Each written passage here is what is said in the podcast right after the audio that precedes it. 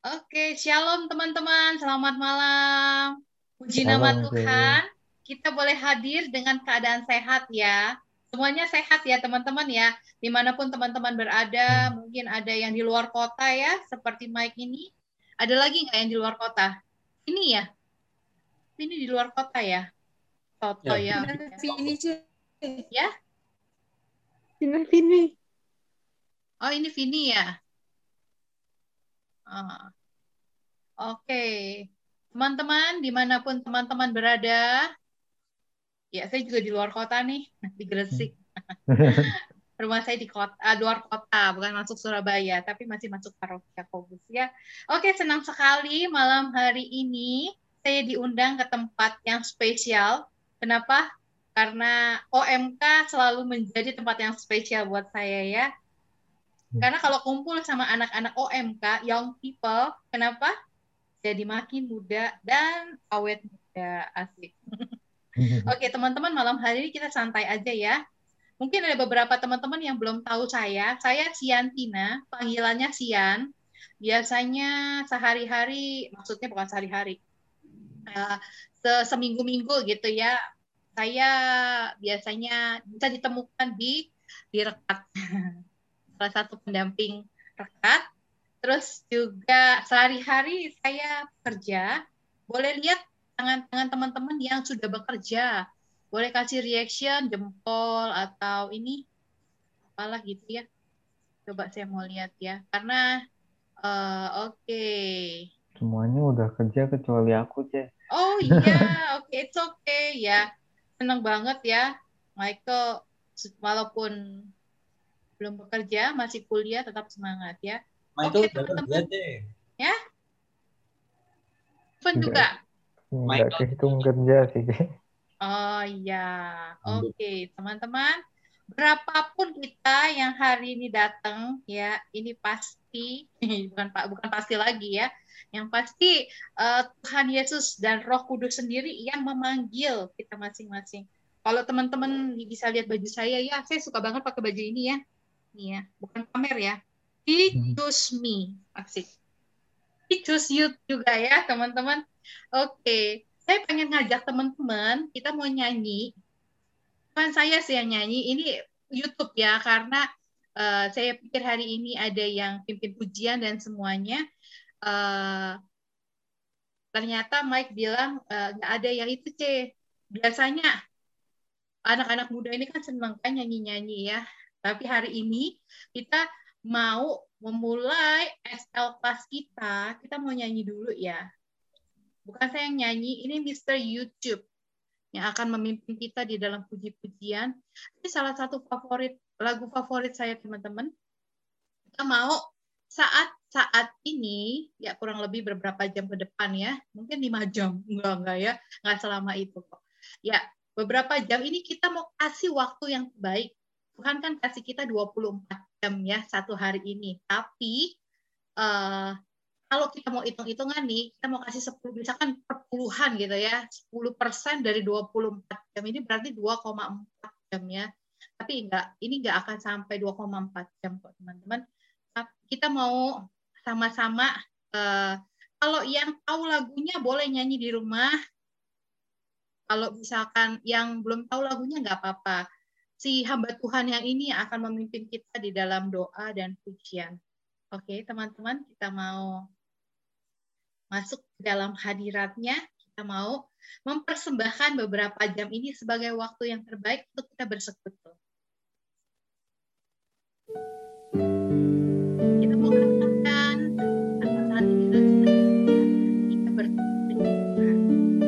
Kami rindu Tuhan untuk selalu dekat dengan Engkau diam dalam hadiratmu dan menikmati kasih dan kuasamu Tuhan.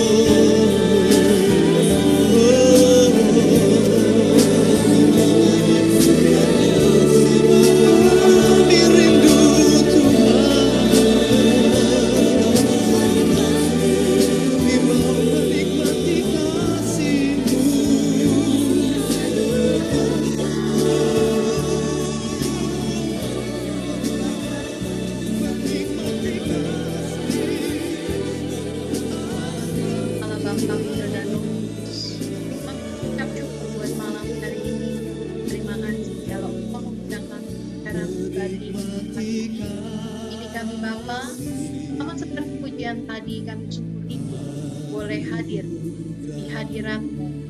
Sebab satu hal yang kami rindu untuk selalu berada di dalam hadiratmu, untuk menyembahmu, untuk selalu menyenangkan hatimu.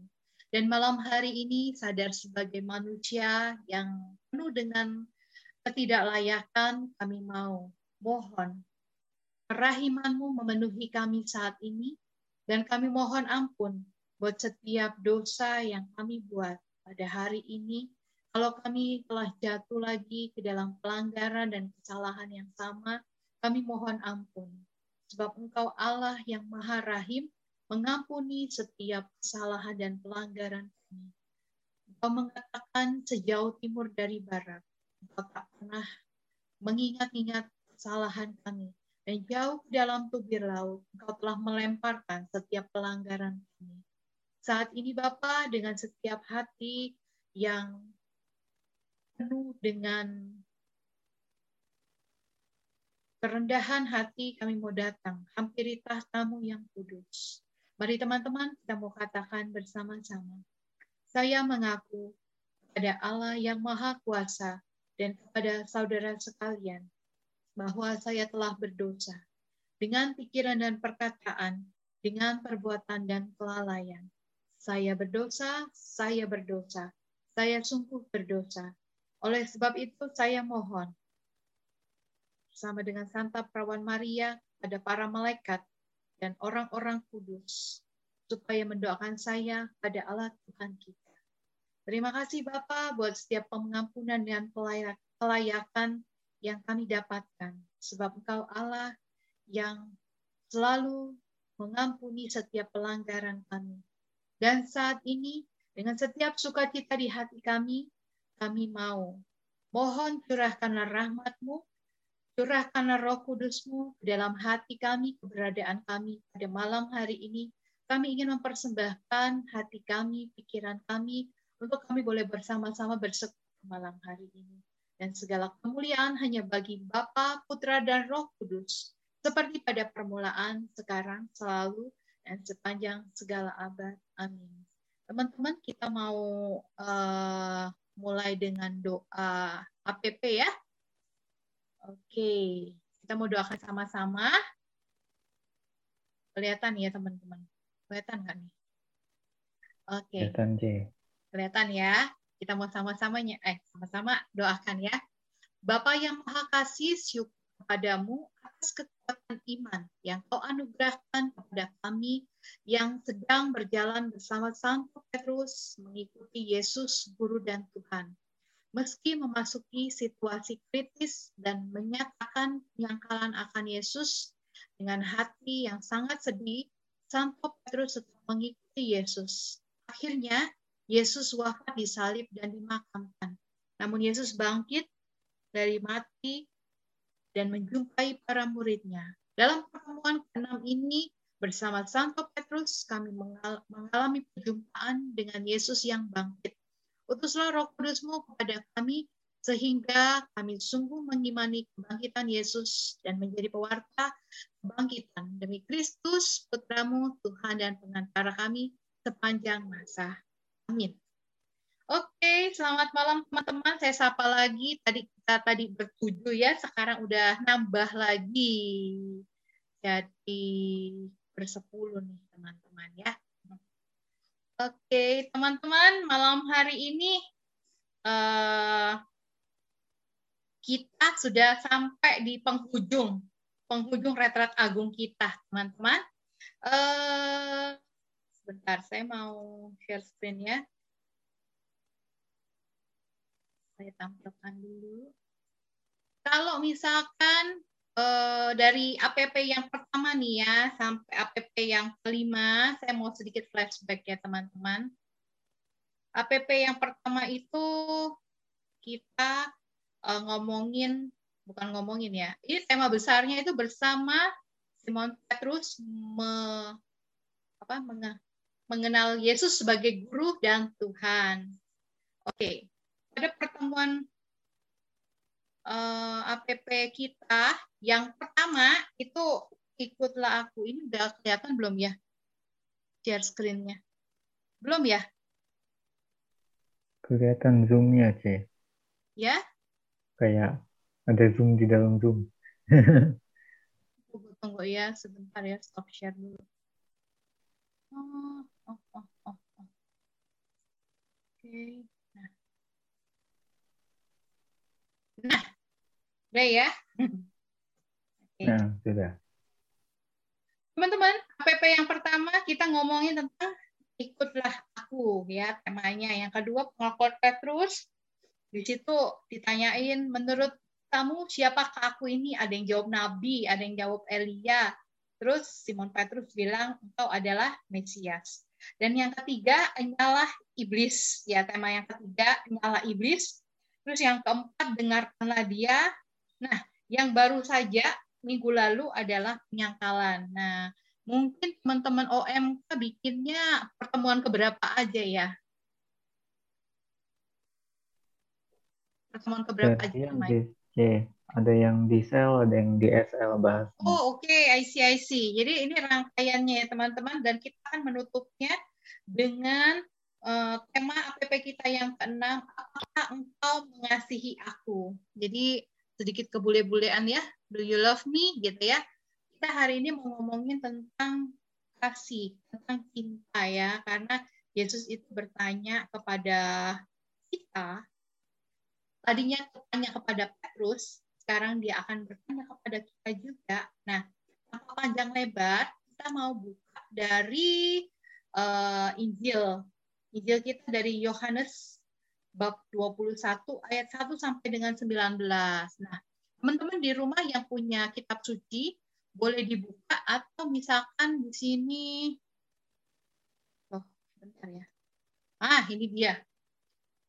Nah, Teman-teman, kita akan membacanya ya. Coba saya lihat dulu ada berapa orang di sini.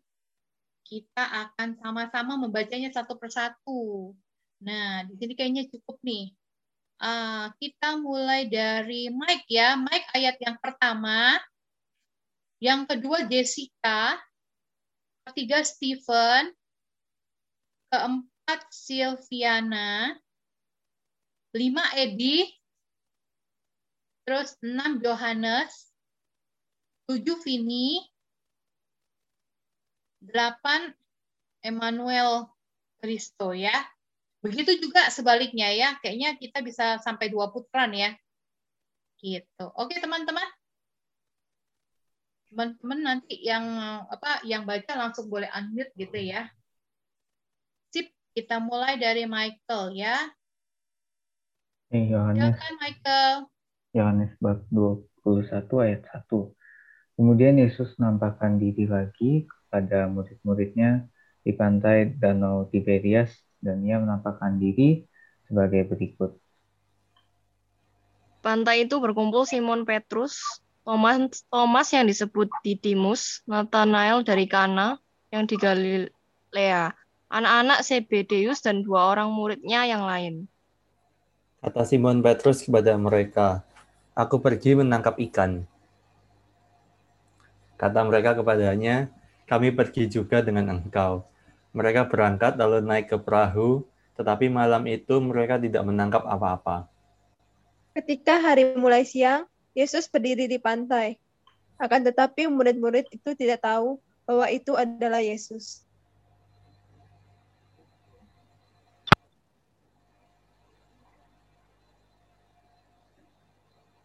Oh iya, aku lupa. Aku Edi lagi sambil putus baptis. oh iya. Kata Yesus kepada mereka, Hai anak-anak, adakah kamu mempunyai lauk pauk? Jawab mereka, tidak ada.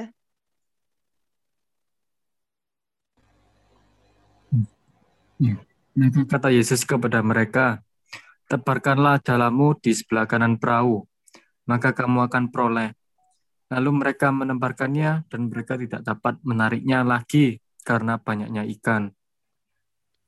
Maka murid yang dikasih Yesus itu berkata kepada Petrus, itu Tuhan. Ketika Petrus mendengar bahwa itu adalah Tuhan, maka ia mengenakan pakaiannya, sebab ia tidak berpakaian, lalu terjun ke dalam danau. Murid-murid yang lain datang dengan perahu karena mereka tidak jauh dari darat, hanya kira-kira 200 hasta saja dan mereka menghela jala yang penuh ikan itu.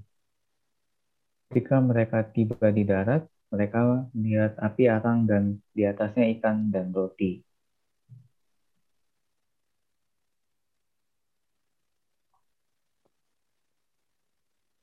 Jessica?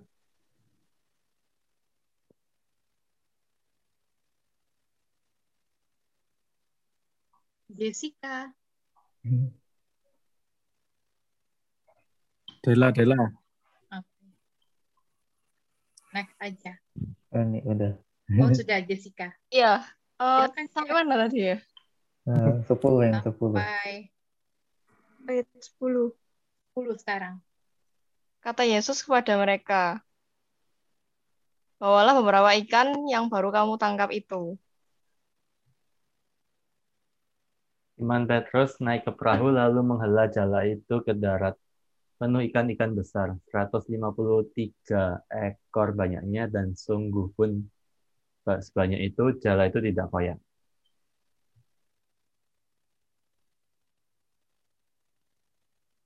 Kata Yesus kepada mereka, Marilah dan sarapanlah. Tidak ada di antara murid-murid itu yang berani bertanya kepadanya, Siapakah engkau? Sebab mereka tahu bahwa ia adalah Tuhan. Yesus maju ke depan, mengambil roti dan memberikannya kepada mereka. Demikian juga ikan itu. Itulah ketiga kalinya Yesus menampakkan diri kepada murid-muridnya sesudah ia bangkit dari antara orang mati.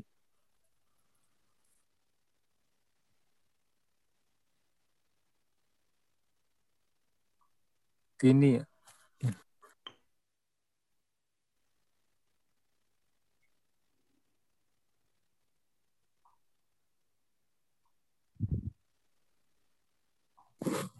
Halo, Vin. Ini. Kalau koneksi ini susah kayaknya. Oh, nggak apa-apa. Next. Ini yang 15 ya, sudah sarapan tuh ya, lanjutannya. Iya, betul. Sesudah sarapan, Yesus berkata kepada Simon Petrus, Simon, anak Yohanes, apakah engkau mengasihi aku lebih daripada mereka ini? Jawab Petrus kepadanya, benar Tuhan, engkau tahu bahwa aku mengasihi engkau. Kata Yesus, bawahnya nggak kelihatan. Oh, oke oke coba lihat bentar. Ah, kata Yesus kepadanya, gembalakanlah domba-dombaku. Oke, sekarang next.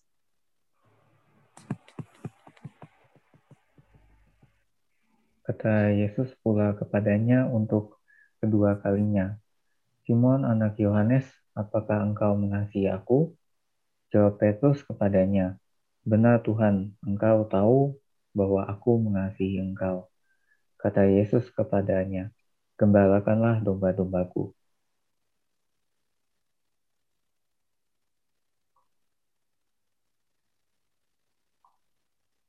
Jessica 17. Kata Yesus kepadanya untuk ketiga kalinya, Simon anak Yohanes, apakah engkau mengasihi aku? Maka maka sedih hati Petrus karena Yesus berkata untuk ketiga kalinya, apakah engkau mengasihi aku? Dan ia berkata kepadanya, Tuhan, engkau tahu segala sesuatu. Engkau tahu bahwa aku mengasihi engkau, kata Yesus kepadanya. Gembalakanlah domba-dombaku. Aku berkata kepadamu, sesungguhnya ketika engkau masih muda, engkau mengikat pinggangmu sendiri dan engkau berjalan ke mana saja kau kehendaki. Tetapi jika engkau sudah menjadi tua, engkau akan mengulurkan tanganmu dan orang lain akan mengikat engkau dan membawa engkau ke tempat yang tidak kau hendaki. Dan hal ini dikatakannya untuk menyatakan bagaimana Petrus akan mati dan memuliakan Allah. Sesudah mengatakan demikian, ia berkata kepada Petrus, "Ikutlah aku." Demikianlah Injil Tuhan. Terpujilah Kristus. Oke, terima kasih teman-teman yang dapat giliran tiga kali, dua kali ya. Oke, teman-teman, uh, kalau kita lihat perikop ini kan lumayan panjang ya. Tapi ada yang menarik nih. Uh, kalau misalkan minggu lalu uh, kalau apa namanya teman-teman ngikutin APP yang kelima itu tentang penyangkalan ya. Yesus menyang eh Petrus menyangkal Yesus sebelum ayam janta, apa, ayam berkokok tiga kali. Nah, setelah itu kita disajikan uh, PP yang keenam temanya adalah apakah engkau mengasihi aku. Jadi antara APP yang kelima sama APP yang keenam situasinya sudah berbeda. APP kelima itu Yesus dijatuhi hukuman mati ya sampai disalib akhirnya wafat. Tapi di APP kita yang keenam ini adalah penampakan Yesus yang ketiga kalinya kepada murid-muridnya. Oke, teman-teman, saya mau ada kayak gitu ya. Saya mau mau tanya teman-teman. Nah, kita mau ke Menti dulu ya. Ada beberapa pertanyaan nih. Bentar ya, saya itu dulu. Tampilin dulu mentinya. Sebelum kita mulai, kita mau tanya-tanya. Bukan mau tanya-tanya ya, mau survei-survei. Ya.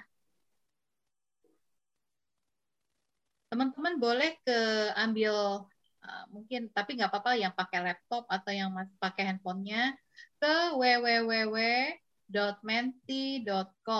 ya. Saya share dulu. Masukin code-nya 41 87 2163.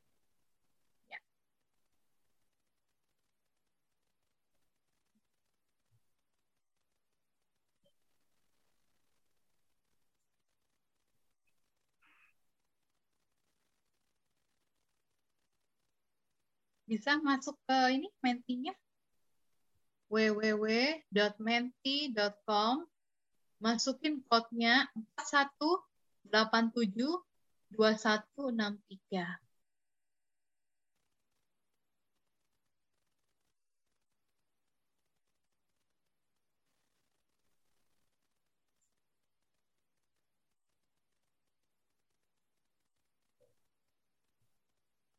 Oke, teman-teman kalau yang sudah bisa join, boleh apa namanya dijawab pertanyaannya nih.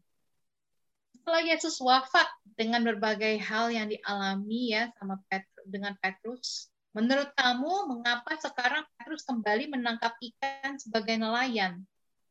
Oke, sudah dua orang yang menjawab ini. Petrus kehilangan arah. Ah, terus yang kedua kehilangan tujuan. Nah, menurut teman-teman, ya, Oke, di sini jelas ya. Delapan, delapan, ya kurang lebih delapan gitu ya. Delapan partisipan. Oke, okay. good. Kehilangan tujuan. Ada lagi teman-teman? Kenapa kira-kira Yes, apa Petrus sekarang jadi balik ke penjala uh, menangkap ikan sebagai nelayan ya, balik lagi gitu. Ya, mungkin ada yang belum bisa join, kita tunggu ya beberapa teman-teman ya. Code-nya www.menti.com, code-nya 41 87 2163. Ini baru 5 nih. Ini pertanyaannya kurang lebih ada 25 loh. Oh, ya, enggak. Pertanyaannya ya 5. Ya kurang lebih kita tunggu tiga, ya kurang lebih tiga, tiga orang lagi ya. Kita baru ke next-nya gitu.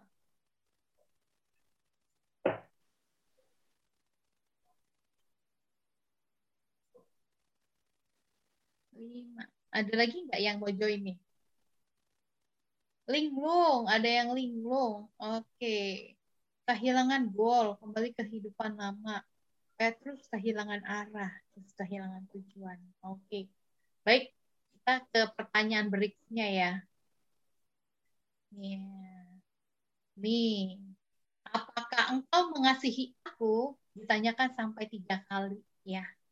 Menurut kamu, bagaimana perasaan Petrus ketika ditanya sama uh, bagaimana perasaan Petrus ketika ditanya Yesus seperti itu. Ini perasaannya Petrus ya.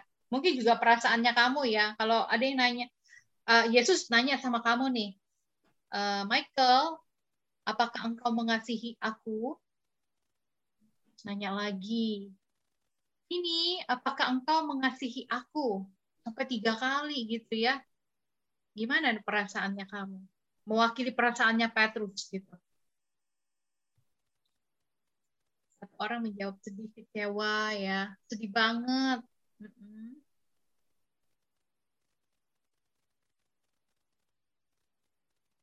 sedih ya. Rata-rata sedih. Bunda. Sedih kecewa. Ya. Oke, enam.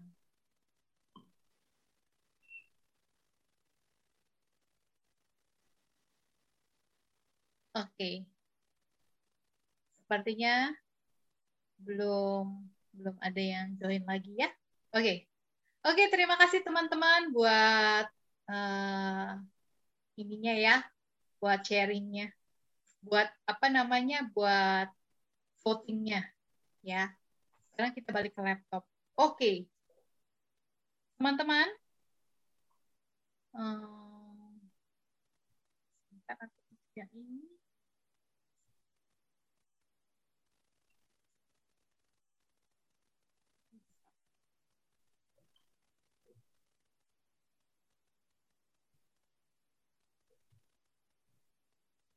Ya, tadi saya kan bilangnya teman-teman pada pertemuan kelima beda situasi sama pertemuan keenam. Pertemuan kelima itu Yesus dijatuh hukuman mati sampai disalibkan. Terus pada pertemuan yang keenam ini, pertemuan paling akhir ini, ketika uh, Yesus tampil lagi, Yesus tuh kepengen memberikan semangat kepada murid-muridnya. Tadi sebagian besar teman-teman udah apa namanya sudah vote ya. Kenapa sih Yesus oh ya? Ah, udah share screen lagi. Oke. Okay. Uh, eh, pertanyaan pertama tadi apa teman-teman? Tadi pertanyaan pertama Bentar ya, saya nyari contekan dulu. lupa nanya sendiri jawab sendiri ya aduh sebentar saya butuh komentarnya lagi. Oke pertanyaannya kedua dulu ya. Uh, kenapa Yesus sampai nanya sampai tiga kali ya? Oh, oh udah udah udah ini udah dong. Kenapa Petrus balik ke profesi awalnya ya? Pas penyapa KPP yang kelima dijelaskan bahwa Petrus menyangkal Yesus habis-habisan kan ya. Bilang nggak kenal gitu. Petrus menyangkal tiga kali. Nah pada saat ini juga ditanyakan tiga kali. Teman-teman ternyata di kitab suci ini ya angka tiga itu angka yang menunjukkan tentang keseriusan ya. Yesus nggak iseng nanya e, apakah kamu uh, mengasihi aku sekali udah dijawab gitu ya. Terus apakah kamu mengasihi aku? Kedua kali dijawab lagi. Terus akhirnya pas, pertanyaan ketiga gitu ya ditanyakan lagi apakah engkau mengasihi aku? Terus dijawab panjang lebar sama Simon Petrus kau tahu Tuhan bahwa sebentar ya kita lihat. Nah. Engkau tahu bahwa aku mengasihi engkau ditegaskan ya setegas-tegasnya Kata Yesus, gembalakanlah domba-dombaku. Pertanyaan pertama tadi ketika di Menti ya, kenapa Petrus hmm, balik profesi? Jadi teman-teman, Petrus ini mengalami kekecewaan. Ada kecewa pada saat dia ikut Yesus pertama kali uh, ketika dipanggil Petrus adalah salah salah dua Eh, salah satu murid yang pertama dipanggil Yesus selain Andreas. Nah, ketika dia dipanggil untuk dijadikan penjala manusia, dia dengan sangat sergap gitu ya. Ya, aku mau gitu ya. Tanpa babi bu bebo, tanpa basa-basi, nggak nanya e, nanti tinggalnya gimana Tuhan. Terus nanti caranya gimana? Beda sama misalkan kita mau dijadiin koordinator OMK gitu ya pasti nanya-nanya job desk-nya apa, terus ini uh, nanti harus hadir pertemuan apa aja dan bla bla bla bla gitu ya. Tapi beda sama Petrus. Petrus ini nggak punya alasan ketika Yesus ngajak, "Ayo ikut sama aku." Nah, ya Tuhan langsung gitu ya. Nah, perjalanan Petrus itu kan panjang ya bersama dengan Yesus. Yesus kan kurang lebih melayani selama tiga tahun gitu ya. Petrus apa sih yang dia nggak tahu mengenai Yesus gitu ya, dia tahu segalanya. Kira-kira, bukan kira-kira ya, pada saat itu Petrus pikir bahwa Yesus akan menjadi seorang raja, ya, menggantikan raja Romawi saat itu. Nah, dipikirnya seperti itu, pada kenyataannya Yesus itu nggak jadi raja. Yesus itu malah disalibkan. Yesus itu malah uh, buat buat manusia gitu ya, buat dunia salib adalah uh, hukuman yang paling hina gitu ya. Raja kok disalib terus mati konyol pula gitu ya. Nah, di situlah kekecewaan Petrus yang sangat amat uh, dia kehilangan tujuan. Seperti kata teman-teman tadi, dia kehilangan tujuan untuk siapa nih gurunya nggak ada lagi nih. Yesus itu udah mati gitu ya ceritanya. Akhirnya dia balik lagi ke nelayan, balik lagi ke profesi lamanya. Nah, teman-teman, saya mau tunjukin satu video ya mengenai Petrus dan Yesus ketika uh, ketika Petrus masih sama-sama Yesus. Saya suka banget uh, ini, suka banget sama video ini. Kita mau lihat sama-sama ya.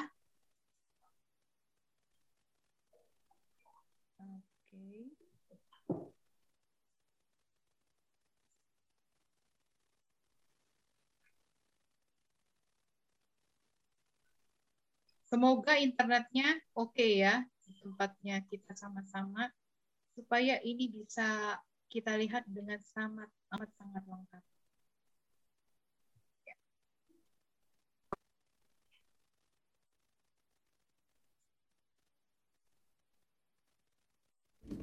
Peter, come with me. Suaranya tadi masuk. Masuk, Coach. Masuk, masuk ya? Oh, lagi ya, bentar ya. Tadi saya lupa apa ini udah share sound juga gitu ya. Oh, udah, udah share sound. Sama-sama lihat ya. Peter, come with me. Give up catching fish and I will make you a fisher of men. What are we going to do?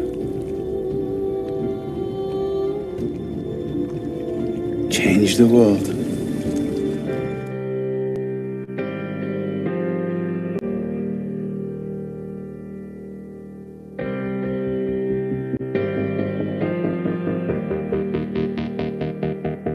I stand before you now. The greatness of your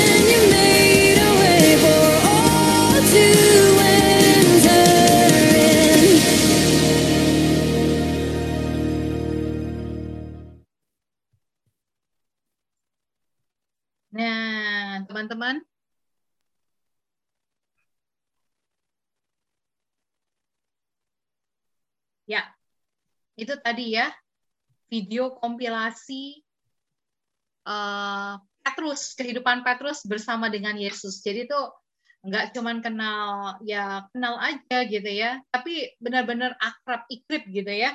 Nah, teman-teman, eh ketika Petrus menyangkal Yesus pada pertemuan APP yang lalu, kan Yesus eh, Petrus menyangkal tiga kali gitu ya. Terus tiga kali juga Yesus nanya kepada Petrus. Seperti tadi saya sampaikan bahwa angka tiga itu adalah angka yang menunjukkan tentang keseriusan gitu ya. Dan ketika Petrus itu menyangkal Yesus, dia benar-benar serius gitu ya. Maksudnya eh, dia juga nggak bercanda atau gimana. Kenapa? Sampai tiga kali soalnya ya. Dia benar-benar takut. Dia takut kalau orang lain ikutan eh, menghukum dia gitu ya. Dia takut kalau misalkan melihat gurunya dihukum wafat, terus juga dia juga ikutan gitu ya. Nah, pada saat Yesus bangkit di antara murid-murid yang maksudnya ditampakkan pertama kali gitu ya, di situ ada Petrus. Petrus menjadi salah satu orang pertama yang melihat kebangkitan Yesus. Nah, itu juga bukan bukan main-main ya. Maksudnya eh, bukan bercanda Yesus mau sengaja oh nomor satu orang yang mau ditampak itu Petrus ya. Ternyata Tuhan itu punya rencana yang begitu luar biasa dan begitu eh, dahsyat dalam kehidupan Petrus. Tadi kan di Injil ditanya ya, eh, apakah engkau mengasihi aku? Ketika ditanya eh, seperti itu, dijawab sama Petrus, ya aku mengasihi engkau. Terus kata Yesus, gembalakanlah domba-dombaku dan ikutlah aku. Teman-teman kalau ingat banget ketika Petrus dipanggil Yesus untuk yang pertama kali, Yesus juga bilang sama Petrus, mari ikutlah aku. Nah, kenapa dua kali ulangan yang sama gitu ya? Ikutlah aku yang pertama pada saat dipanggil, terus yang kedua ini ikutlah aku. Nah, seperti yang kita ketahui, Petrus itu akhirnya dipilih oleh Tuhan Yesus untuk menjadi paus yang pertama ya, Eh, menjadi apa namanya pemimpin umat Katolik ya, Kristen waktu itu ya pengikut Kristus. Gitu. Nah, teman-teman kalau kita lihat karakternya si Petrus, Petrus itu buat teman-teman orang yang gimana sih? Boleh chat share sama-sama. Menurut teman-teman, Petrus itu orang yang kayak apa sih? kok sampai-sampai Tuhan Yesus mau pilih dia yang dahsyat dan luar biasa ini ya. Ini teman-teman bisa bantu di kolom chat atau boleh langsung unmute. Menurut teman-teman, uh, Petrus punya karakter yang seperti apa? Gitu.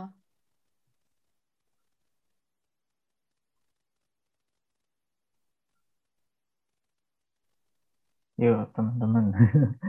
Tapi kalau Halo, dari teman-teman, saya nggak bisa lihat teman-teman ya, tapi saya yakin dan percaya teman-teman ada di depan hmm, di depan laptop, depan handphonenya masing-masing ya. Teman-teman, ya belak-belakan. Thank you, Vin. Vina. Wah, Steven keras kepala. Siapa lagi nih?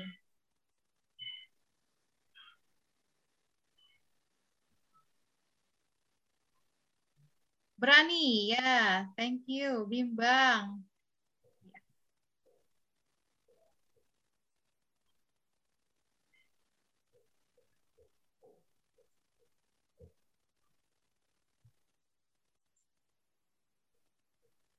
Kalau ibarat kayak di Harry Potter, Petrus masuk Gryffindor. Iya. Oke, oke. Thank you teman-teman buat jawabannya. Ya, Petrus itu orang yang uh, cepat ngomong daripada pikir, ya. Orangnya spontan. Jadi pas apa namanya pas Yesus ditangkap, dia orang yang pertama emosinya meledak-ledak gitu ya dia orang yang pertama ngambil pedang untuk menghunuskan eh, pedang itu ke telinga salah satu hamba atau ini ya penjaga penjaga apa namanya Imam Agung. uh, Imam Agung uh, tentara gitu ya mau nangkep Yesus ya. Nah teman-teman mau pesan lagi. Nah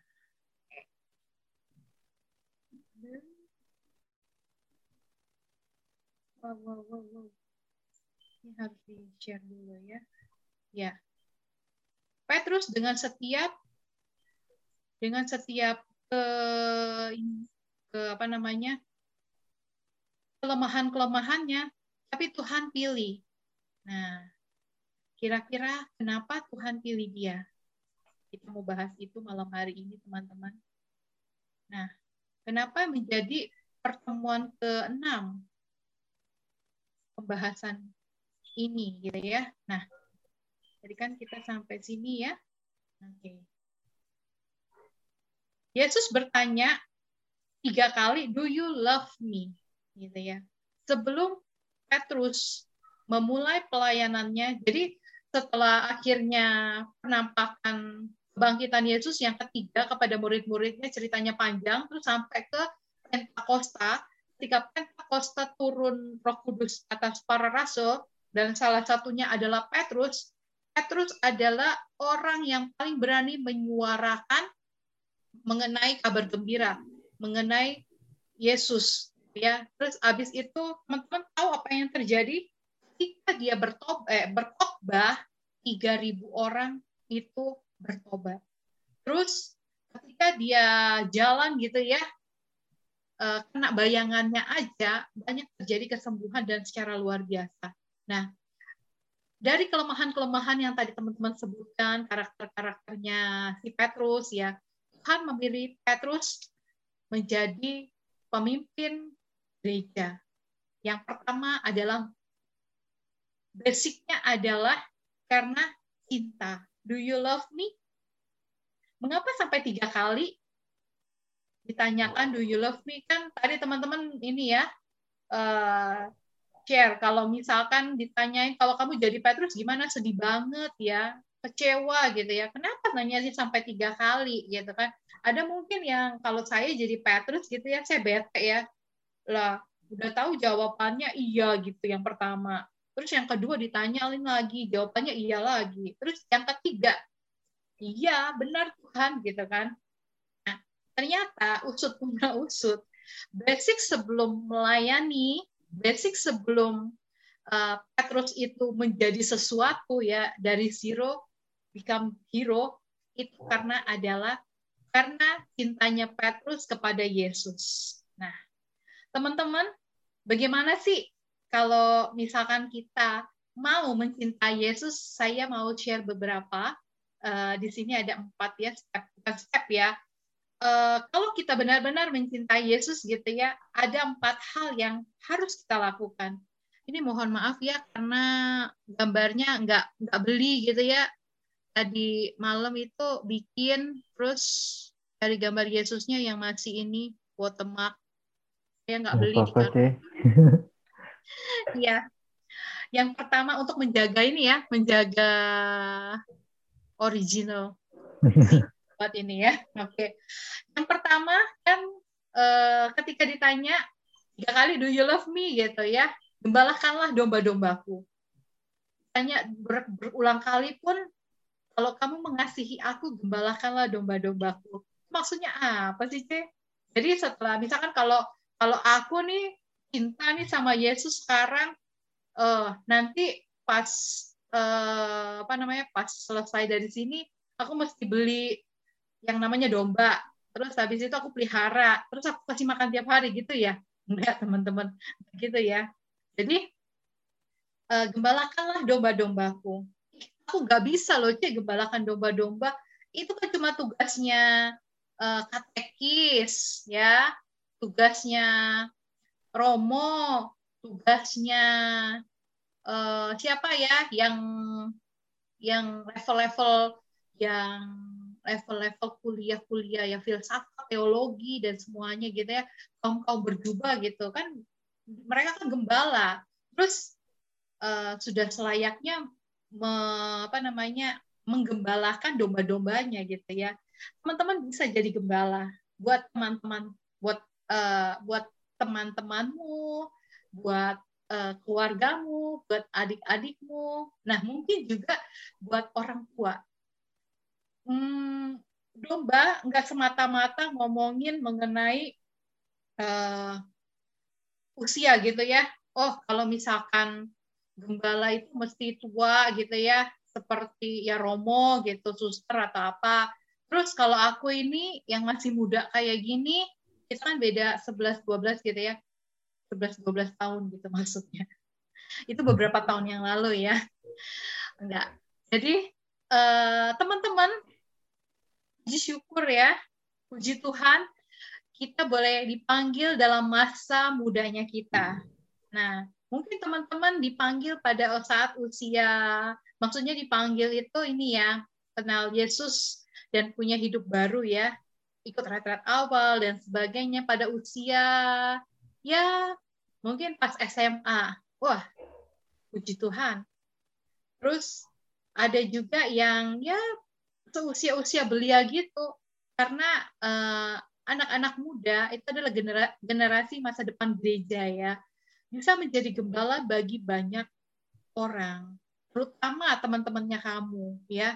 Gimana sih jadi gembala buat teman-teman sendiri? Ya teman-teman jadi berkat. Jadi berkatnya tuh maksudnya dalam hal apa? Perilaku, teladan, ya itunya kamu, apa karakternya kamu, karakter yang militan.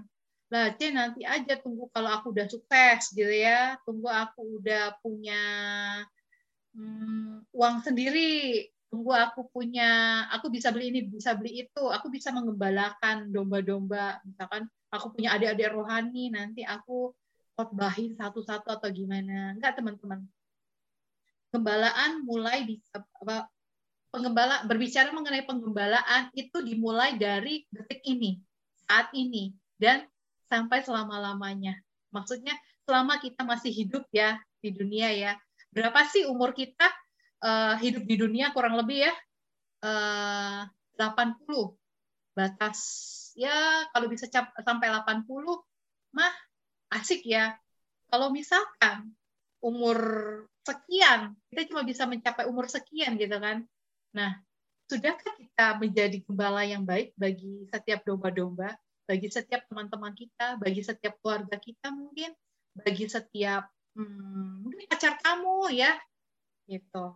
Tapi ini bukan berarti maksudnya aku mesti ngotbahin banyak orang gitu ya. Kamu uh, besok dikumpulin gitu ya mama papa adik-adik semuanya dalam satu itu ayo ya sini kita kumpul kita mau ngomongin tentang uh, Injil, tentang kabar baik, bla bla bla bla, gitu ya teman-teman ya. Tapi bisa menjadi gembala dari karakter dan tingkah lakunya kita. Nah, yang kedua, glorified God. Tadi kan di ayatnya tuh ada ya ayat yang terakhir ini. Aku berkata kepadamu, sesungguhnya ketika engkau masih muda, engkau mengikat pinggangmu sendiri dan engkau berjalan ke mana saja kau kehendaki. Tapi jika engkau sudah menjadi tua, engkau akan mengulurkan tanganmu dan orang lain akan mengikat engkau dan membawa engkau ke tempat yang tidak kau kehendaki. Ya, hal ini yang tadi ayat ini berbicara mengenai di mana Petrus mati ya. Kalau teman-teman tahu, pasti semua tahu ya, Petrus itu wafatnya disalib ya. Hmm. Disalib saking dia nggak merasa nggak sepadan gitu ya. Kalau Yesus kan disalib gitu ya, dia mengambil kebalikannya sama Yesus. Jadi salibnya dia disalib terbalik gitu ya. Nah, teman-teman, pada saat Petrus wafat, dia menjadi orang, dia menjadi pribadi yang memuliakan Allah. Nah, gimana nih kalau misalkan pas uh, wafatnya kita bukan wafat sih, maksudnya ketika kita sudah ber, kembali kepada Bapak, apa yang dibicarakan oleh teman-teman kita testimoni-testimoni mengenai misalkan uh, mengenai aku, mengenai saya adalah yang baik-baik. Di mana nama Tuhan lebih dipermuliakan ketimbang wah aku kenal nih sama Michael nih. Michael ini yang waduh dia tuh yang ikut fokus selalu dapat 100 ya. Berarti bisa contoh ya Mike ya. Atau ah aku kenal nih ini atau Vina ya yang dokter gigi gitu. Eh sama-sama dokter ya. Kan dokter kembar yang waduh pelayanannya luar biasa buat orang buat apa namanya? buat orang-orang yang miskin papa gitu misalkan ya dibicarakan ya. Terus uh, kenal nih sama Jessica. Jessica ini kan pengusaha sukses yang sering melayani di tempat anak-anak yatim piatu gitu ya. Nah, memuliakan Tuhan lewat sikap hidup kita ya. Jadi pada saat kita wafat, pada saat kita meninggal, banyak orang memuliakan Tuhan lewat setiap apa yang menjadi uh, kebiasaan kita, apa yang menjadi sikap kita gitu ya. Terus yang kedua, follow ya. Nah, kalau kita lihat ayatnya yang terakhir ini ya. Sesudah mengatakan itu, sesudah mengatakan demikian, ia berkata kepada Petrus, ikutlah aku. Beberapa teman-teman mungkin pernah dengar gitu ya, ikut Yesus itu eh, mesti ada tiga ya sangkuli gitu ya sangkal diri pikul salib dan mengikut Yesus nah sangkal diri ngomongin tentang penyangkalan diri kita kan sudah dalam eh, apa namanya dalam hari-hari menjelang hari kemenangan ya hari kemenangan gitu ya uh, kita masing-masing mungkin punya penyangkalan diri pada saat kita prapaskah ini coba mau nanya nih Teman-teman pantang apa? Ayo, mungkin ada yang pantang main game, jangan pantang belajar ya. Itu bukan penyangkalan diri, itu memang kewajiban gitu ya. Coba boleh dong tulis di chat nih. Pantang apa nih teman-teman? Kepo ya. Aku kepo nih, mau tanya-tanya nih sama teman-teman. Boleh, boleh, boleh. Penyangkalan diri.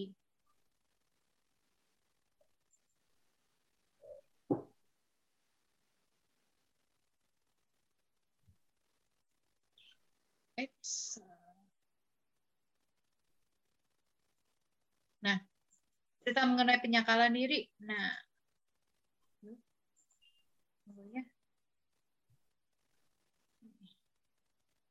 kalau saya, saya menyangkal diri untuk tidak ke mall. Saya senang banget ke mall, teman-teman. Jadi setiap hari minggu gitu ya habis pulang gereja jam 10 itu pasti tujuannya adalah mall ya yeah. walaupun pandemi tapi tetap dibatasi gitu ya, cuma dua jam gitu ke mall. Kalau dulu ya bisa dari jam 11 mall mall buka sampai mall tutup itu ya, saya pasti ada di sana gitu. Tapi sepanjang masa prapaskah ini saya ngambil eh, apa namanya penyangkalan diri ini untuk nggak ke mall ya. Oke, terima kasih. Ada yang pantang daging nih, sama bangun siang. Wih, asik-asik. Mantap ya. Ini Michael ya. Ini Michael Iya, sepanjang 40 hari, hampir 40 hari ini bangun jam berapa, Mike? Biasa tuh jam jam 5 udah bangun. Soalnya mau ikut misa misa harian juga. Oh, dahsyat. Jadi apa pengen ikut misa harian gitu pas prapaskah ini sama ke depannya nanti. Biasanya kalau enggak apa kuliahnya kan juga jam sembilanan gitu kan biasanya kan di Samarinda plus sejam jadi istilahnya kalau mau tidur kan lebih enak lah ya lebih Oke. jauh waktunya tapi nggak pengen bangun pagi gitu Oke, great. Mantap. Ada lagi teman-teman? Masa Michael aja nih yang ini apa jangan-jangan ini yang lain aduh lupa C aku nggak pantang. Atau ini kita masih ada sisa berapa hari nih ya? Menuju uh, masih ada tujuh hari loh. Masih ada waktu untuk menyangkal diri. Nah, yang kedua kita kan pikul salib nih. Pikul salib bersama Yesus ya. Yesus lebih dulu memikul salibnya kita gitu ya. Bukan salibnya Yesus tapi salibnya kita oke ini gak ada lagi yang mau sharing nih.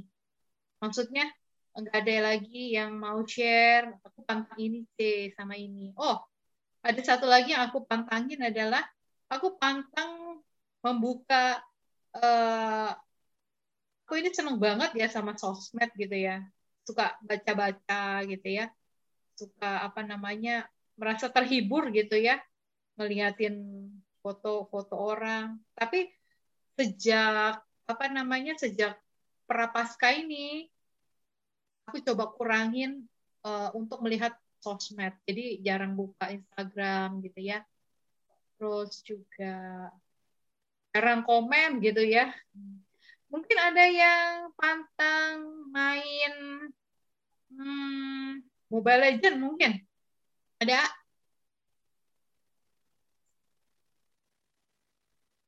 Ya di sini nggak tahu main atau nggak di sini Oh iya betul.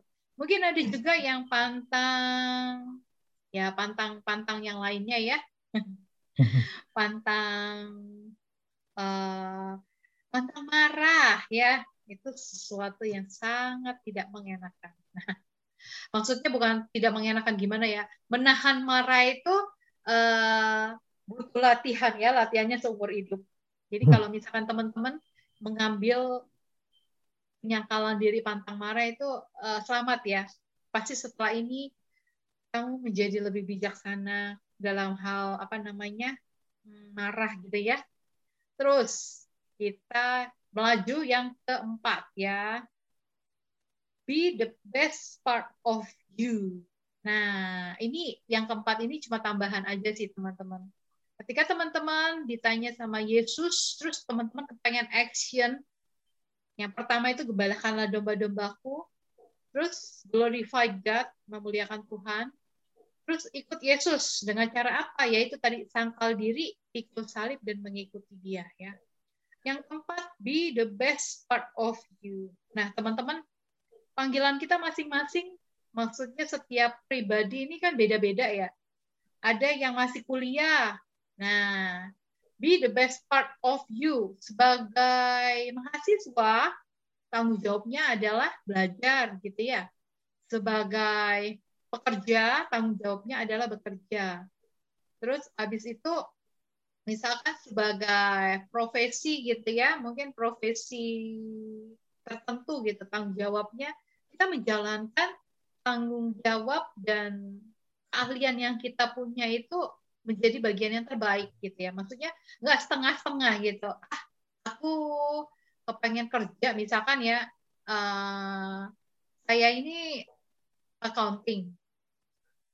sekarang itu lagi ganti-gantian work from home, work from office gitu ya.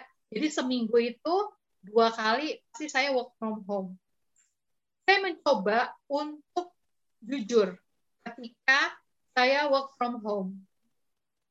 Kan kalau work from home kan asik aja kan, nggak ada yang lihat kita kerja jam berapa, terus nggak ada yang lihat kita kerja apa enggak atau main games gitu ya.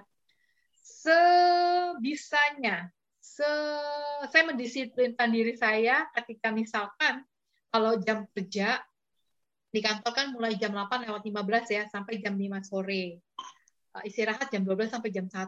Nah, ketika nggak ada orang lain yang melihat, saya coba untuk mendisiplinkan diri ketika uh, work from home, benar-benar jam 8.15 sudah buka laptop, terus habis itu kerja sampai jam ya jam 12 gitu ya. Jam 12 sampai jam 1 istirahat. Nah, sebisa mungkin saya kepengen menjadi yang terbaik. Yang terbaik itu bukan wah eh, apa ya namanya pengen membanggakan diri enggak, tapi pengen menjadi yang terbaik karena ada mata yang jauh melebihi matanya bos. Ada mata yang jauh melebihi matanya teman-teman yang lain. Ya. Nah, yaitu Tuhan Yesus. Tuhan Yesus mengawasi gitu ya. Kadang-kadang mungkin citing-citing dikit ya. Ya, kadang-kadang buka YouTube loh, tuh kan bosen gitu ya.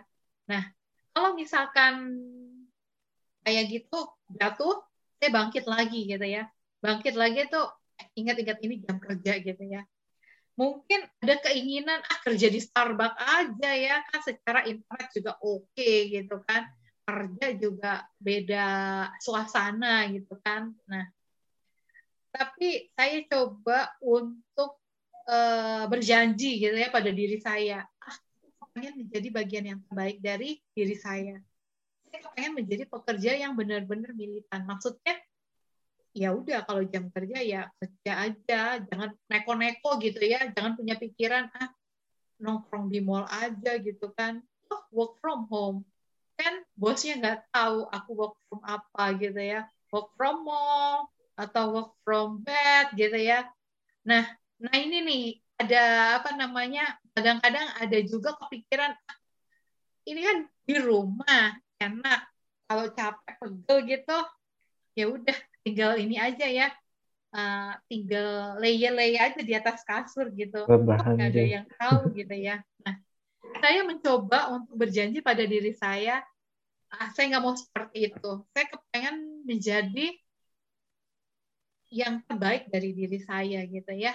Nah, teman-teman, teman-teman yang kuliah, yang pekerja, yang pengusaha mungkin ya, jadilah bagian yang terbaik dari dirinya teman-teman. Melayani uh, melayani customer seperti melayani Tuhan. Kalau setiga ayat 23 melay- uh, mengatakan bahwa apa pun yang kamu perbuat lakukanlah sama seperti untuk Tuhan dan bukan untuk manusia. Jadi kuncinya untuk menjadi the best part of you, the best part of me adalah seperti itu. Ketika kita melakukan ini, kita melakukan sesuatu, kita mau melakukannya sama seperti untuk Tuhan. Kalau kita mau melakukannya untuk manusia, kita bakal kecewa ya. Ah, kalau misalkan aku udah kerja capek-capek, ternyata laporanku ya segini aja nggak dihargain gitu ya. Kadang-kadang ide-ide yang kita kita udah keluarin tapi nggak dihargain ya.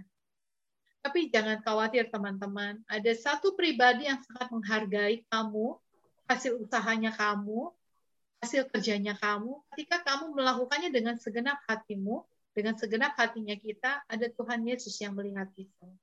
Nah, teman-teman, menutup menutup apa namanya? menutup SL kelas kita pada malam hari ini. Ucapan ya, kita akan berdoa ya untuk menjadi ini nih. Jadikanlah aku pembawa damai dari Franciscus. Ya, nah, teman-teman selamat memasuki hari suci. Ya, kalau misalkan sebentar lagi kita eh, udah mulai Kamis Putih, Jumat Agung, Sabtu Suci dan lain-lainnya. Terus mungkin ada beberapa yang belum ada belum pengakuan dosa gitu ya. Dan berkecil hati, teman-teman. eh, kalau bisa silakan bikin janji dengan Romo, silakan apa namanya mungkin kalau beberapa beberapa apa namanya keadaan yang memungkinkan untuk mengaku dosa secara tatap muka datang ke kamar pengakuan untuk memberikan dirimu yang terbaik gitu ya the best part of you. Itu adalah jawaban untuk pertanyaan do you love me? Gitu. Saya akan menutup teman-teman. Sampai sini terima kasih. Sudah apa namanya sudah sharing-sharing sudah ini. Sebenarnya ada pertanyaan sharing nih ya panjang-panjang gitu ya. Coba ya saya lihat dari itunya buku APP-nya gitu ya renungannya nah nah mungkin teman-teman ada yang mau sharing Masih mengenai anu, Ceh. Masih Ya? yang PPT tadi belum ganti. oh PP-nya PPT-nya Heeh, Heeh. masih masih ke yang doa Santo Fransiskus oke tadi. heeh. Belum keganti sama yang tadi saya bilang. oh iya sebentar ya thank you Mike Hmm. Oke, ini pertanyaannya, ya, ya, ya, pertanyaannya. Biasanya sampai jam berapa ini teman-teman? Biasa sampai jam 9, C. Tapi Sampai jam kalau 9? Heeh. Oh, karena waktu kita masih panjang, kita pilih ini ya, pilih pertanyaan sharing ya, untuk kita bisa sharingkan bersama. Karena di sini kita ada berapa orang nih? Ya, 10. Semuanya harus sharing. Nah, Bentar ya. Nah, nah ini dia pertanyaan pribadinya teman-teman. Supaya saya nggak jawab-jawab sendirian, karena saya juga mau dengar. Teman-teman boleh bersharing ya. Setelah melalui perjalanan bersama Pet- Petrus yang berawal dari pantai sampai pada pengalaman kebangkitan, apa yang menarik bagi Anda? Oke, ini nomor satu ya. Kita pilih nomor satu. Terus, ah, nomor satu dan nomor dua ya. Boleh ya teman-teman ya? boleh, C. Oke, pertanyaan sharing nomor satu. Oh, saya mau tambah, boleh ya? Satu, dua, dan empat. Sampai hari ini Anda sebagai muridnya, benarkah Anda telah mengikuti Yesus dalam hidup sehari-hari? Apa wujudnya? Oke, kita mulai dari mana nih ya? Oke. Kita lihat dulu ya. Oke. Kita mulai dari Edi boleh ya? Karena di sini nggak ada yang punya nama dengan huruf awal A. Maka E boleh lah. Kok ini udah Ya? selesai belum itunya? Kok Edi ini baru mau baptis, C. Jadi, Oh, sorry. ah, Ya. peng, anu, Oh ya. kita perlu kita doakan nih Kok Edi ini. Oke, baik. It's okay. Jadi kita ke mana nih? Jeffrey boleh ya, Jeff? Kamu yang pertama. Boleh, Jeff? Ya. Ah, Jeffrey. apa ya sih? Pertanyaan yang pertama, pertanyaan Jeffrey, kedua sama kan- keempat, Jeff. Ini benar gak ya panggilnya Jeffrey atau Benar. biasa dipanggil Sandi? Jeffrey. Jeffrey. Ya? J, Jeffrey, J, Jeffrey. Oh, J. Oke, oke. Silakan, Jeff. Yang pertama, yang kedua, dan keempat.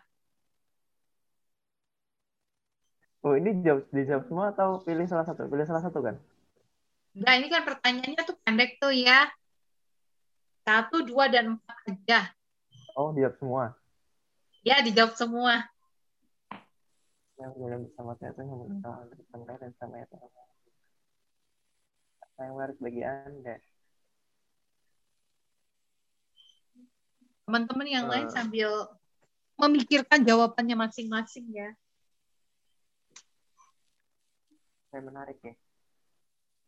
Yang menarik mungkin ya yang pertama kali aja ya. Kayak murid-murid pertama kali diajak sama Yesus buat ikut, mereka langsung refleks jawab iya gitu. Tanpa kayak mikir-mikir kira-kira kalau ikut Yesus nanti kelasnya apa, negatifnya apa. Kalau misalnya aku nggak ikut, positifnya apa, negatifnya. Biasanya kan kayak ada jurusannya gitu. Cuman mereka kayak langsung iya gitu. Mungkin ada bacaan yang bilang kalau mereka ikut langsung iya karena mereka udah udah lihat history Yesus gimana kayak eh, pengalaman dia apa dia ngelakuin apa aja mungkin mungkin itu cuman se beriring ada hal yang besar pasti ada juga kayak tanggung jawab besar gitu. Jadi kan kayak eh, dan mereka iyain gitu. Gitu mungkin. Yang nomor satu iya. terus yang kedua itu ya apa yang besar? Hambatannya mungkin lebih ke konsisten. Konsisten ikut Yesus ini. Kalau misal kayak eh, kalau ada masalah apa-apa kita nggak kayak tergoyah gitu. Kalau misal yang pernah aku alami eh, kayak misal baca kali kita rutin gitu. Habis pertama kali baca baca baca terus lama-lama kayak mikir ngapain aku baca terus? Apa tujuanku baca? gitu. Kalau enggak eh, kayak pelayanan pelayanan pelayanan pelayanan kenapa aku melayani? Apa dasar aku melayani? Apa tujuannya? Sampai mulai mempertanyakan gitu. Kayak misal kita hidup kan juga mungkin kita hidup ya udah hidup hidup. Eh, jalan jalan jalan. Lama-lama pasti kayak mikir apa tujuan kita hidup? Kenapa kok kita hidup? Kayak cari tahu gitu. Nah, yang hambatan besar mungkin kayak ya itu konsisten. Gitu. Dan pasti ada.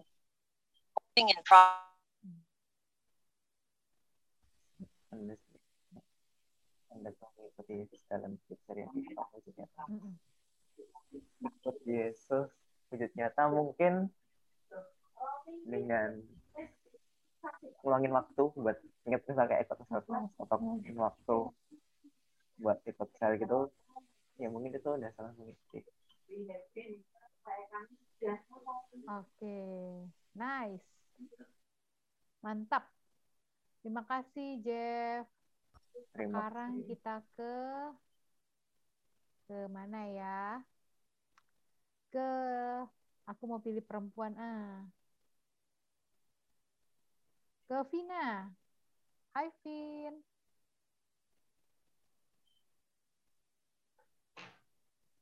Hai, Vin. Are you there? Halo? Ya, Vin. Halo. Ini nih, Hai. kita ada pertanyaan sharing, Vin. Pertanyaan satu, dua, dan empat, Vin. Buat Vina nih. Menurut Vina gimana? Mungkin kalau satu Hmm. mungkin sama Kak Jeffrey ya tadi. Kayak yang menarik itu kan Yes- eh, Petrus tuh bisa langsung mau ngikutin Yesus tanpa tanya-tanya gitu.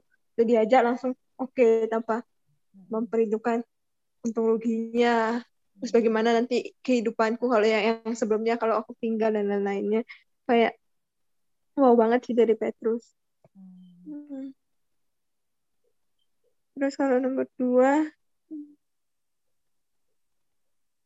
mungkin ya kalau yang hambatan mengikuti Yesus tuh mungkin karena ikut Yesus tuh berbeda dari kehidupan kita yang sebelumnya. Jadi banyak hal-hal yang karena kita nggak ngerti kenapa kita harus melakukan itu atau misalnya kayak kita kalau lihat kenapa Yesus melakukan itu terus kayak kenapa kita harus ikut yang dilakukan Yesus itu. Padahal kan itu biasanya bertolak belakang dengan kebiasaan di dunia ini. Jadi itu kayak sesuatu yang susah gitu loh. Karena melawan arus lah anggapannya kayak mungkin yang dulu kita anggap ben- benar ternyata tidak benar tidak baik gitu kita anggap baik ternyata tidak benar ini karena itu susah karena harus melawan banyak hmm, opini opini masyarakat yang biasanya kurang ben,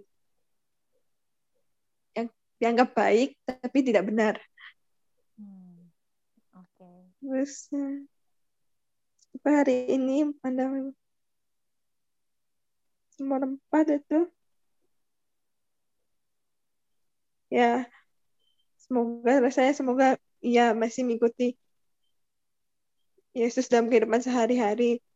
Maka wujud nyatanya mungkin sama kayak Jason bilang gitu kalau sehari-hari kerja seperti bekerja buat Tuhan. Meskipun nggak dilihat orang tapi tetap kerja sebaik-baiknya karena yang kita kerja bukan untuk atasan atau untuk orang tua atau orang lain tapi kita bekerja untuk Tuhan jadi berikan yang maksimal meskipun orang orang nggak tahu apa yang kita berbuat gitu loh biar kadang orang nggak selalu merhatiin kita tapi kita selalu berikan yang terbaik dalam setiap pekerjaan kita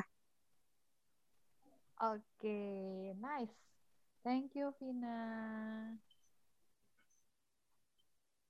Iya, teman-teman jangan takut ya. Ini pertanyaannya eh, nggak ini kok, nggak susah kan ya.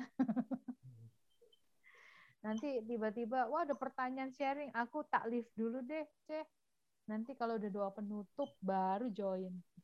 Jangan takut ya. Oke, sekarang kita menuju ke itu kan satu dua empat nih ya. Sekarang aku mau nanya tiga empat lima. Nah, aku mau minta Steven. Hai Steven. Hai, hai. Boleh ya Steven ya sharing jawaban nomor 345. Tiga, jika pertanyaan Yesus kepada Petrus, apakah engkau mengasihi aku diajukan kepada Anda, apakah jawaban Anda? Ya, sing tiga mungkin aku jawabannya kayak yang C, Sian tadi sih. Wis tak jawab kok tanya lagi sih. Ya, aku manusia sih, jadi aku pasti jawab itu sih. Apalagi kalau aku dalam keadaannya Petrus di 2000 tahun yang lalu yang kayak beneran ini Tuhan gak sih? Paling dia jadi orang besar sih raja kan, bukan anak Allah kan. Belum tahu untuk tahu kan. Sampai bangkit gitu kan baru tahu kan.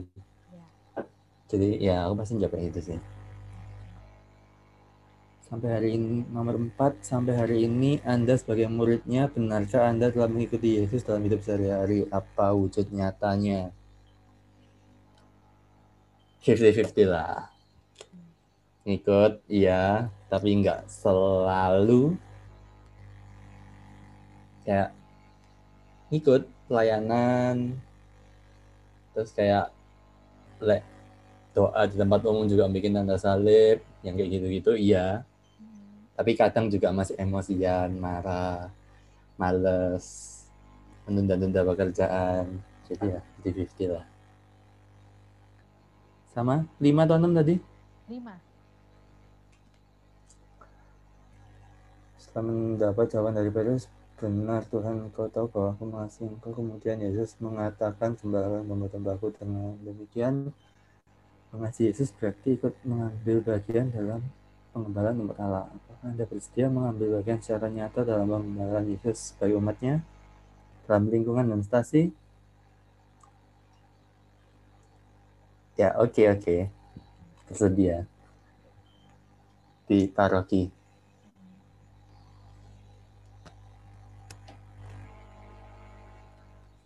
Aku nggak tahu sih kalau aku aku jarang banget sih kalau ikut yang ling apa lingkungan atau wilayah. Tapi kalau paroki ikut sih. Ikut ya. Iya. Minggu Palma kemarin ikut melayani ya, Steven ya. Oh iya. Nah, iya, nice. Aku suka kemarin choirnya oke, semuanya oke. Jadi Aku seperti salut sih Mbak Jiwa sih. Berlima bisa pakai pecah suara itu luar biasa. mantap ya, harmonisasinya itu luar biasa. Terus melayani ini ya, melayani apa namanya? Hari besar gitu ya. Dahsyat anak-anak muda. Keren sih. Mantap, mantap. Thank you, Stephen. Sama-sama. Nah, sekarang karena tadi udah cowok nih ya, sekarang aku mau pilih yang cewek. Francisca. Oke, Siska masih di luar jadi nggak bisa sharing. Masih Oke, it's okay. Berarti siapa nih? Coba ya, aku lihat-lihat lagi. Stephen udah. Oh, Michael nih, Michael. Michael pertanyaan 1, 2, 3, 4, 5, 6. Oh, banget. enggak, enggak. Sama seperti tadi Stephen. 3, 4, 5. Empat lima ya, Cek. Ya. Nanti Kalau- semua pertanyaan ini akan ditujukan ke Aldo ini. 1 sampai 6 nanti ya. Kalau aku tiga kalau ditanyain sampai kayak tiga kali aku jadi ragu sih kayak.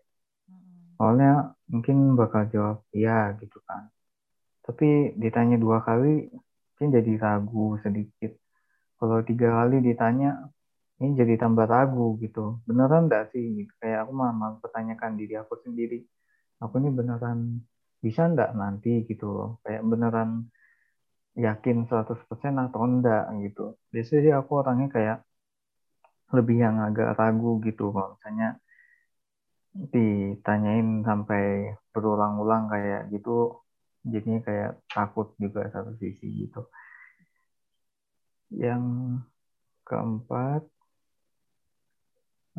ini kehidupan sehari-hari ya mungkin kadang juga apa ya kadang ingat kadang lupa gitu kadang malah lebih ngikutin kayak oh ya udah sama bareng teman-teman kayak mungkin enggak tapi sesuai dengan apa yang harusnya gitu kan.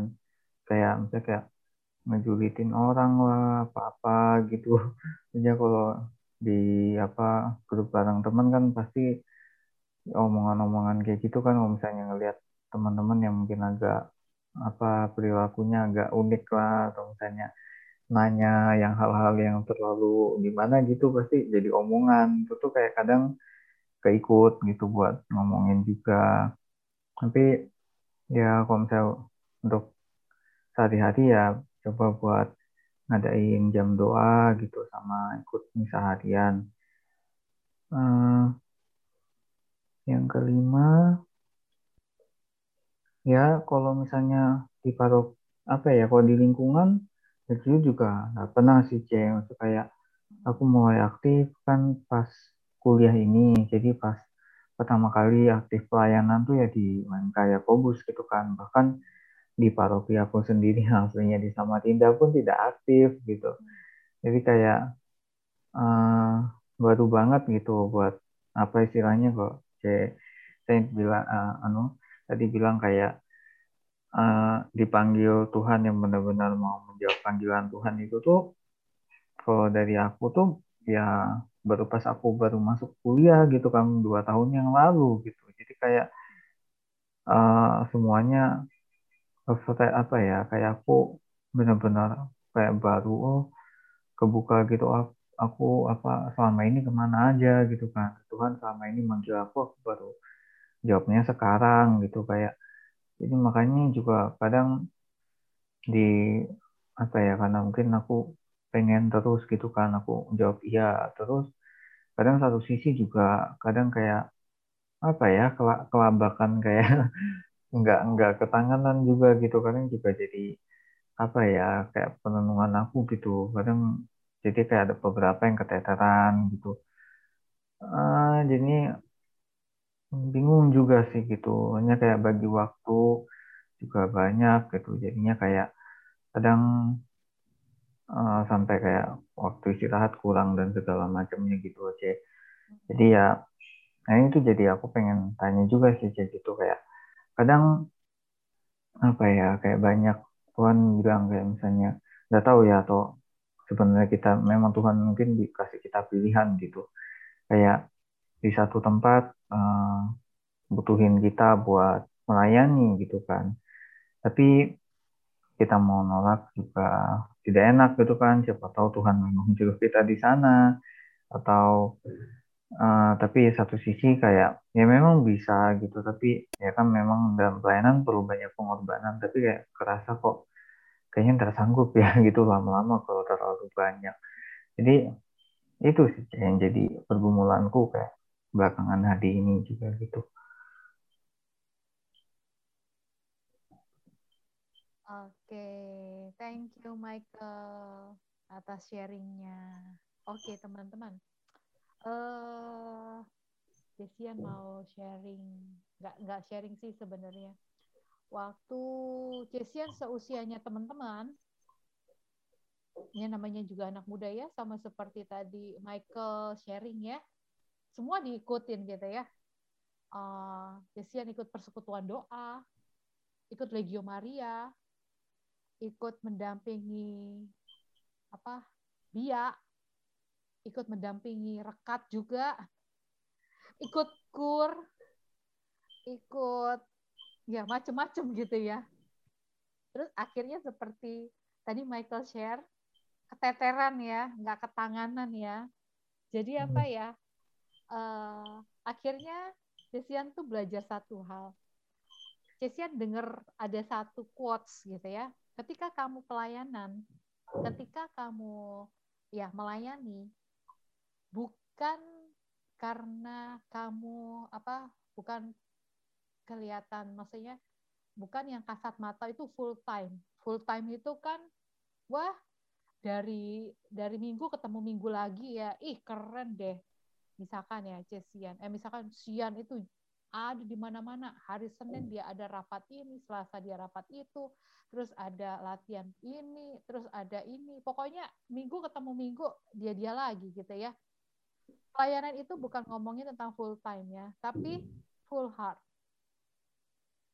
Ketika kita full heart, kita akan mulai memilah-milah ya.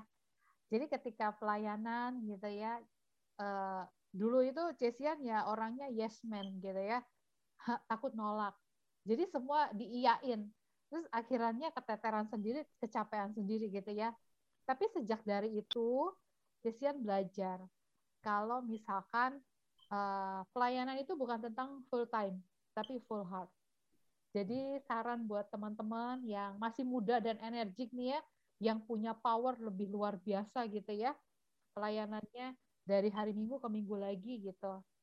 Mungkin ketika kamu ditawari pelayanan oleh seseorang atau mungkin satu komunitas, kamu bawa dalam doa dulu. Apa Tuhan mau saya melayani di situ kalau misalkan jawabannya ya teman-teman silakan melayani di situ. Kalau misalkan loh C emang Tuhan bakal jawab ya ambil aja pelayanan itu Michael. Aku mau. Nggak gitu ya. Mungkin uh, Tuhan taruh damai sejahtera di dalam hati kita ya. Ketika kita udah mulai ngedumel atas pelayanan itu itu tandanya kita nggak ada di dalam pelayanan itu. Maksudnya kita cuman ngisi waktunya kita aja full time, tapi bukan full heart. Teman-teman sebagai penutup nih ya, poin yang keenam ini dahsyat banget nih. Setelah mengalami Yesus yang bangkit, Petrus mengalami perubahan hidup yang mendasar. Yang tadinya menyangkal Yesus, kemudian memberi kesaksian iman di depan banyak orang ya. Yang akan kita rayakan setelah ini ya, setelah Yesus wafat, eh sorry, Yesus bangkit, kita akan merayakan beberapa hari setelah itu kita akan merayakan yang namanya Pentakosta ya, di kisah para rasul ini ya. Jadi dengan kuasanya Roh Kudus, Petrus akhirnya bisa speak out, bisa menjadi uh, pemberi kesaksian kepada banyak orang terus menjadi pemimpin gereja yang saat-saat awal perkembangannya sampai akhirnya menyerahkan nyawa demi Yesus. Kalau ini ya, setelah Pentakosta, Petrus itu kembali, eh bukan kembali, sorry, pergi ke Babylon, Roma ya dulunya. Itu adalah pusat pusat dunia di situ. Jadi dia memulai pelayanannya dari Roma, Babylon itu ya.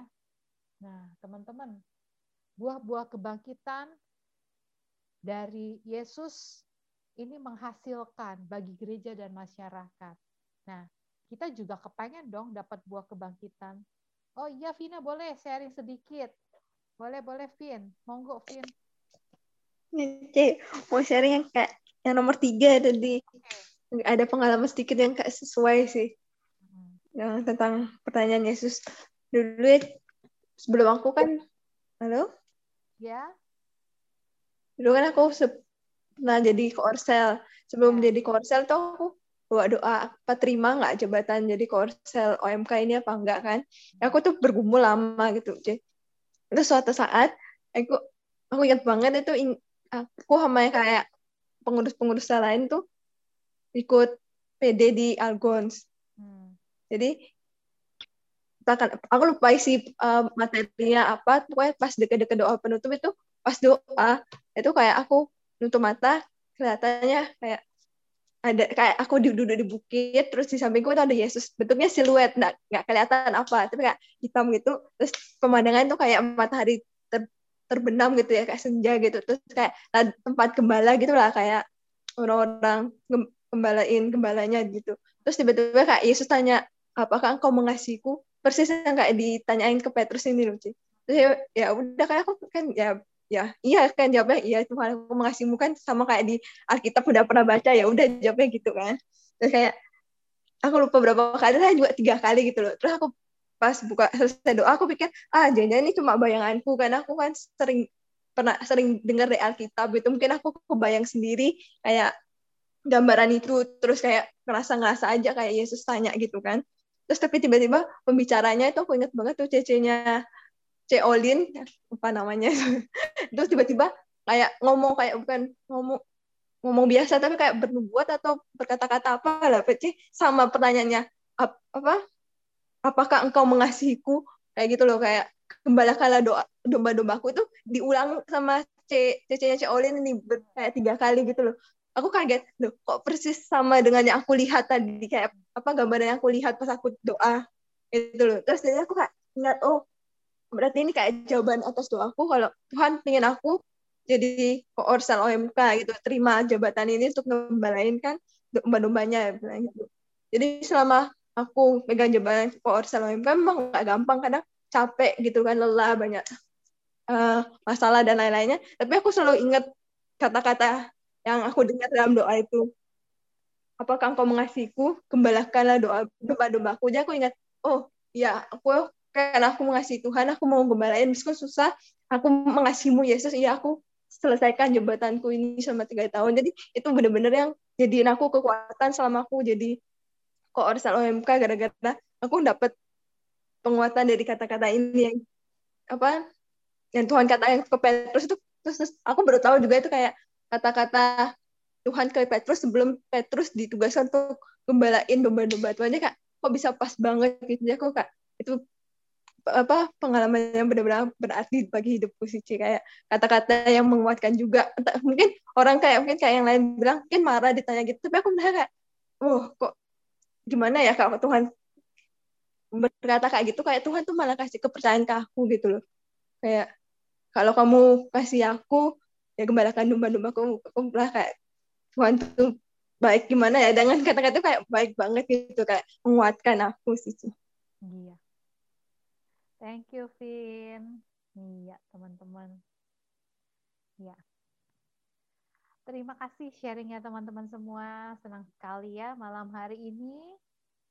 eh kita menutup sebentar lagi kita akan di penghujung SL kelas kita. Terus juga kita akan memasuki hari-hari suci. Nah, teman-teman, seperti tadi kata Vina, kalau Tuhan Yesus nanya, apakah engkau mengasihi aku gitu ya. Mungkin awalnya mungkin kita bete gitu ya. Tapi kita mau resapi sama-sama malam hari ini gitu ya. Kenapa Yesus nanya sampai tiga kali? Ternyata Yesus itu pengen lihat keseriusannya kita. Pengen tahu uh, seberapa kita menda, me, apa, mencintai Tuhan lebih dari segalanya gitu ya kalau misalkan teman-teman yang udah punya pacar nih gitu ya terus ada pacarnya nanya nih eh eh Vin, kamu cinta nggak sama aku? Mungkin kalau pacar yang nanya gitu ya, eh, seneng aja dijawab cinta dong gitu ya. Eh, Vin, beneran kamu cinta sama aku? Iya dong. Ih, beneran gak nih gitu ya? Iya, bener gitu. Mungkin kalau sama pacar gitu kita ditanya tiga kali, kita mungkin eh, mungkin reaksinya ada yang ada yang makin seneng ditanyain karena si pacar kepengen punya apa namanya eh, pengen denger keseriusannya atau mungkin juga ada yang bete gitu ya. Ah apa sih nanya mulu sampai tiga kali dibilangin dibilangin iya iya iya gitu. Nah teman-teman malam hari ini mau kita jadi apa pertanyaan Yesus itu kita mau bawa ke dalam uh, dalam hati kita rema kita pada malam hari ini. Jadi nanti sebelum kita menutup uh, maksudnya menutup hari dengan dengan tidur teman-teman mungkin istirahat nanti pas doa malam coba renungkan uh, pertanyaan Yesus itu disampaikan ke teman-teman ke kita secara pribadi gitu ya. Apakah engkau mengasihi aku?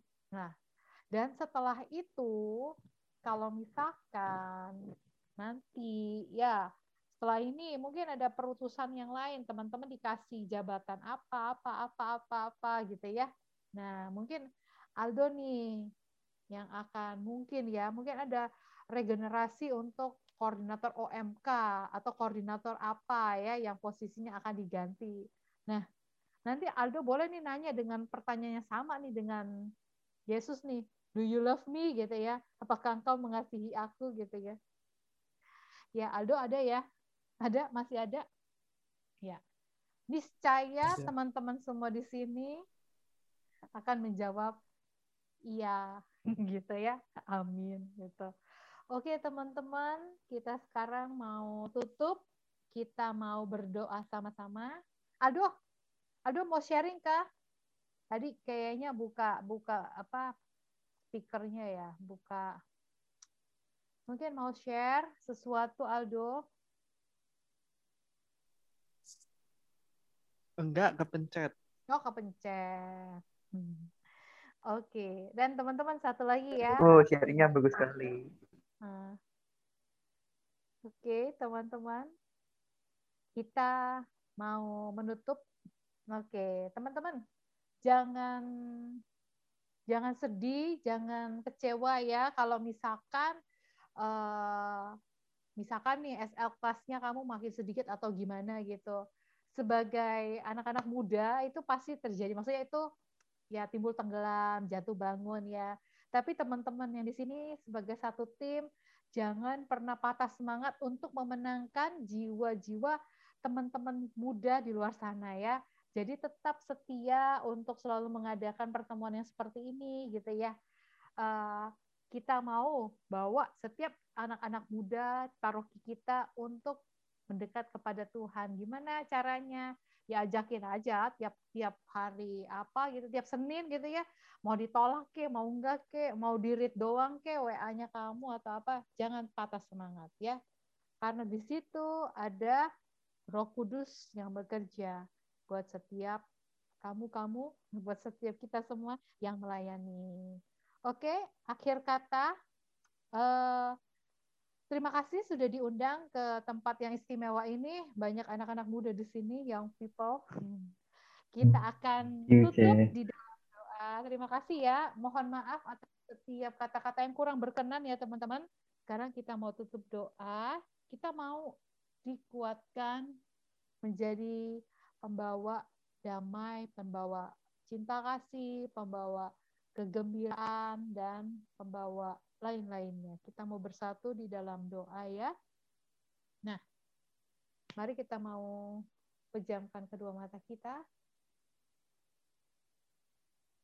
Bapak kami bersyukur buat malam hari ini kalau kami telah selesai uh, mendengarkan sharing firman dan sharing iman dari setiap teman-teman kami, kami kiranya boleh semakin dikuatkan dalam roh kami untuk selalu menjawab apa pun panggilanmu, apa pun yang menyenangkan hatimu, sama seperti engkau sendiri yang bertanya kepada kami, apakah kami mencintai engkau? Kami mau jawab di dalam hati kami dengan segenap hati kami.